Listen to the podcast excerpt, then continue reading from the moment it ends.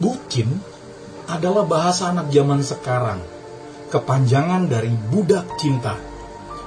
Jangan cari di KBBI, pasti kita tidak temukan karena ini bahasa prokem. Yang artinya, orang yang tergila-gila akan cinta. Orang tersebut rela berkorban apa saja, harta, jiwa, raga, bahkan melakukan apa pun demi orang yang mereka cintai. Zaman sekarang banyak sekali kita temukan para bucin bertebaran di mana-mana. Bahkan saya pun mantan bucin. Untuk mantan pacar ya, sekarang sudah menjadi istri. Namun, tahukah kita ribuan tahun yang lalu sudah bisa kita temukan bucin dalam Alkitab, yaitu Yakub, Lea, dan Rahel. Mereka terlibat cinta segitiga. Yakub dibuat mabuk kepayang oleh pribadi Rahel. Pada kejadian pasal 29 ayat 17 mencatat Rahel seorang yang elok sikapnya dan cantik parasnya. Yakub rela bekerja tujuh tahun kepada Laban. Hebatnya, yang tujuh tahun itu 2555 hari dianggapnya seperti beberapa hari saja karena cintanya kepada Rahel. Memang benar, istilah cinta tak kenal logika. Dan setelah tujuh tahun kerja tergenapi, tiba waktunya Yakub berhak menerima upah, yaitu gadis yang sangat diidam-idamkannya. Sang mertua menggelar resepsi pernikahan dengan banyak undangan. Semua orang bersukaria itu adalah malam terindah bagi Yakub. Tetapi tidak di pagi harinya. Bukannya mendapat sinar mata dan senyum bibir dari wanita pujaan hati. Yakub mendapati Lea, seorang wanita yang lebih tua dan tidak berseri matanya. Mungkin saja mata Lea sayu dan tak rupawan, sehingga Ayub sama sekali tidak tertarik pada Lea sejak awal. Yakub lantas bergegas keluar meninggalkan Lea begitu saja untuk ngamuk kepada Laban yang sudah menipu dirinya. Laban telah merusak cinta Yakub dan Rahel sekaligus menghancurkan hubungan Lea dan Rahel. Karena tindakan ayahnya, Rahel terpaksa berbagi suami dengan kakaknya, sehingga keduanya selalu bergulat untuk berusaha menarik perhatian Yakub. Selanjutnya Laban berjanji menyerahkan Rahel kepada Yakub, asal Yakub mau bekerja tujuh tahun lagi kepadanya. Lagi-lagi Yakub menyetujuinya. Total 14 tahun perjuangan untuk Rahel. Bisa kita bayangkan sebenarnya betapa tersanjungnya Rahel ketika mengetahui seorang pria begitu bucinnya hingga rela berkorban begitu rupa untuk mendapatkannya. Ini bukan pengorbanan yang main-main. Setelah genap, akhirnya Yakub mendapatkan Rahel, gadis pujaannya, pribadi yang paling diinginkannya. Keindahan pernikahan yang telah diimpikan Yakub selama ini pun akan segera terlaksana. Tapi masih ada rintangan berikutnya. Yakub dan Rahel sulit mendapatkan anak. Hal ini menimbulkan kecemburuan besar terhadap kakaknya Lea yang sudah memberikan beberapa anak laki-laki untuk suaminya. Rahel merasa terancam, insecure. Jangan-jangan Yakub tidak mencintainya lagi karena tidak memiliki keturunan. Bagi Rahel, anak adalah segala-galanya. Itulah yang bisa membuatnya mendapatkan cinta yang lebih besar lagi dari suaminya. Kelahiran anak menjadi senjata utama meneguhkan harga dirinya sebagai wanita. anak yang paling penting dalam hidupnya, bahkan melebihi nyawanya sendiri, bagaikan berhala bagi Rahel.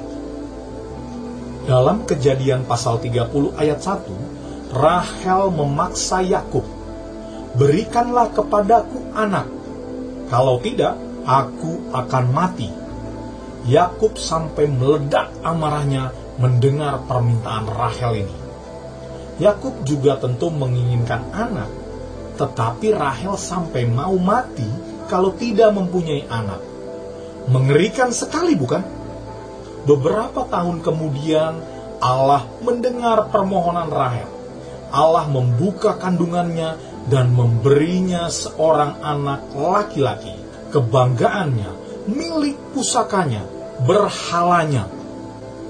Rahel menamai anak itu Yusuf, yang artinya mudah-mudahan Tuhan menambah seorang anak laki-laki lagi bagiku. Atau dalam terjemahan bahasa Inggris, May the Lord add to me another son. Ternyata Rahel belum puas, belum merasa cukup, masih insecure Rahel masih minta anak lagi. Allah masih berbaik hati kepada Rahel. Beberapa tahun kemudian, Allah memberikan anak laki-laki lagi kepada Rahel. Yakub begitu bangga dengan anak yang lahir pada masa tuanya ini, sehingga ia menamai anak ini Benyamin, yang artinya anak dari tangan kananku. Tetapi ironis sekali, Rahel menamai anak itu Ben Oni, yang berarti anak dari duka citaku.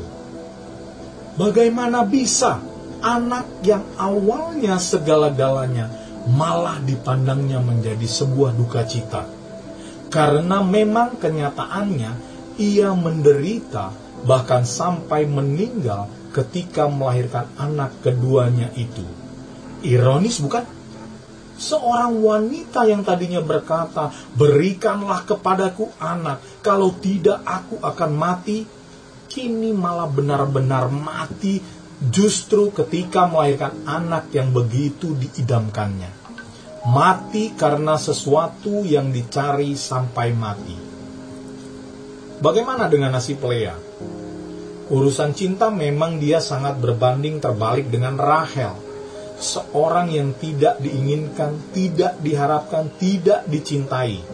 Bisa dibayangkan bagaimana sakit hati Lea ketika mendapati suaminya kabur dari tenda setelah malam pertama mereka. Untuk berkata kepada ayahnya dan kepada dunia, bukan Lea, wanita yang kuinginkan. Kita pun bisa merasakan bagaimana robeknya jiwa Lea ketika melihat suaminya bekerja keras tujuh tahun lamanya bukan untuk menafkahi keluarga mereka, tetapi untuk membangun sebuah keluarga baru dari Will, wanita idaman lain. Yang tak lain adalah adik kandungnya sendiri.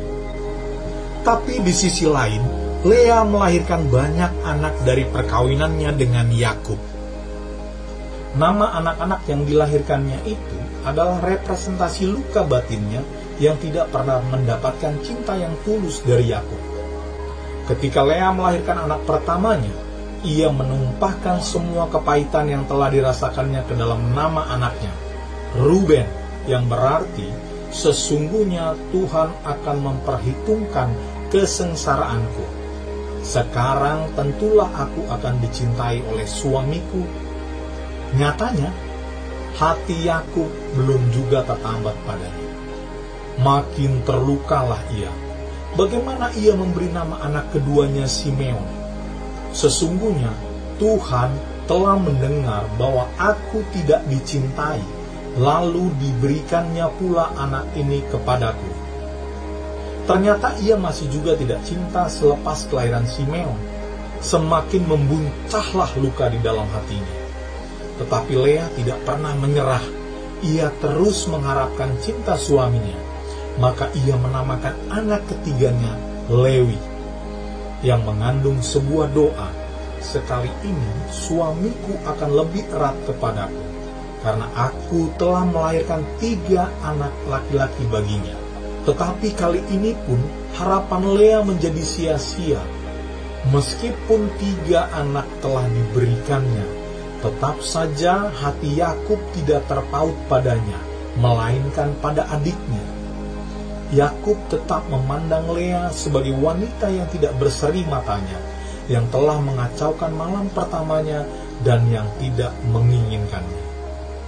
Selalu bukan Lea, harus berapa anak lagi yang kulahirkan baginya? Mungkin begitu batin Lea. Tahun demi tahun, ia harus menerima fakta bahwa suaminya tidak mencintainya.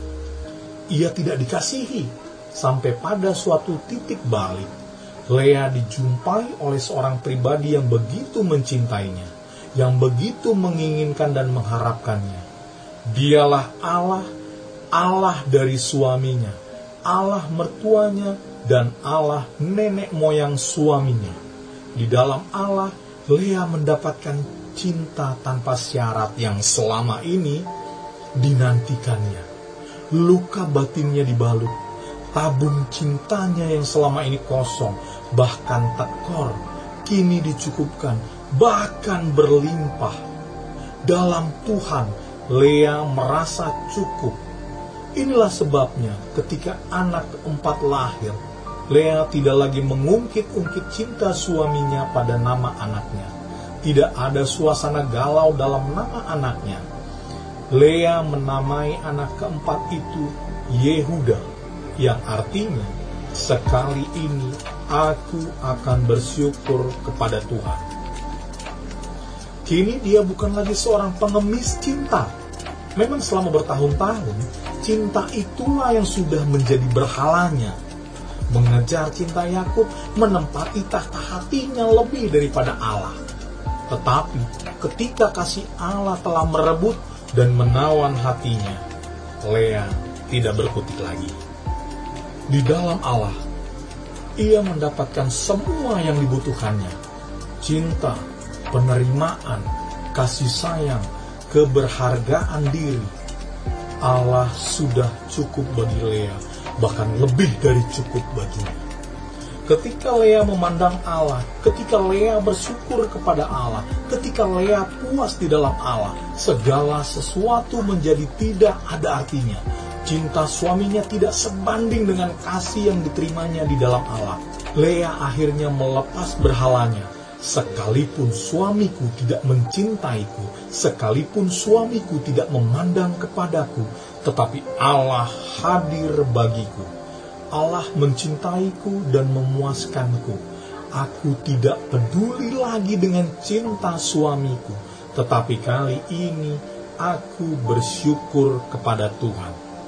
Nama anak keempatnya adalah Yehuda, ungkapan syukur kepada Tuhan tentunya bukan suatu kebetulan jika Yesus Kristus disebut sebagai singa dari Yehuda. Ungkapan syukur Lea mendatangkan berkat bagi banyak orang, bahkan menghadirkan keselamatan bagi bangsa-bangsa. Tuhan Yesus adalah keturunan Yehuda dan kisah cinta Lea berakhir dengan happy ending. Yakub mengakuinya di Kejadian 49 ayat 31 sampai dengan 32. Yakub berpesan supaya disemayamkan di samping Lea istrinya. Hari-hari ini, apakah yang sangat Anda inginkan di dalam hidup Anda? Apa yang selalu mengisi pikiran Anda, yang selalu Anda kejar, dan untuknya Anda rela melakukan apa saja? Seperti Rahel, berikan aku anak, kalau tidak aku akan mati. Apa yang menjadi berhalamu? Lea berhasil melepaskan berhalanya karena ia memandang kepada Allah. Rasa syukur kepada Allah memenuhi hatinya, sehingga dia tidak diperbudak oleh ambisinya. Lepaskanlah segala sesuatu yang merebut tempatnya di tahta hatimu, karena kepuasan sejati hanya akan ada di dalam Dia. Berpalinglah kepada Allah, katakan, "Kau sudah cukup bahkan lebih dari cukup bagiku Tuhan. Hanya Allah yang bisa memenuhi kebutuhan atau kerinduan hati kita yang terdalam. Kini, mintalah Dia menguasai hati Anda. Amin.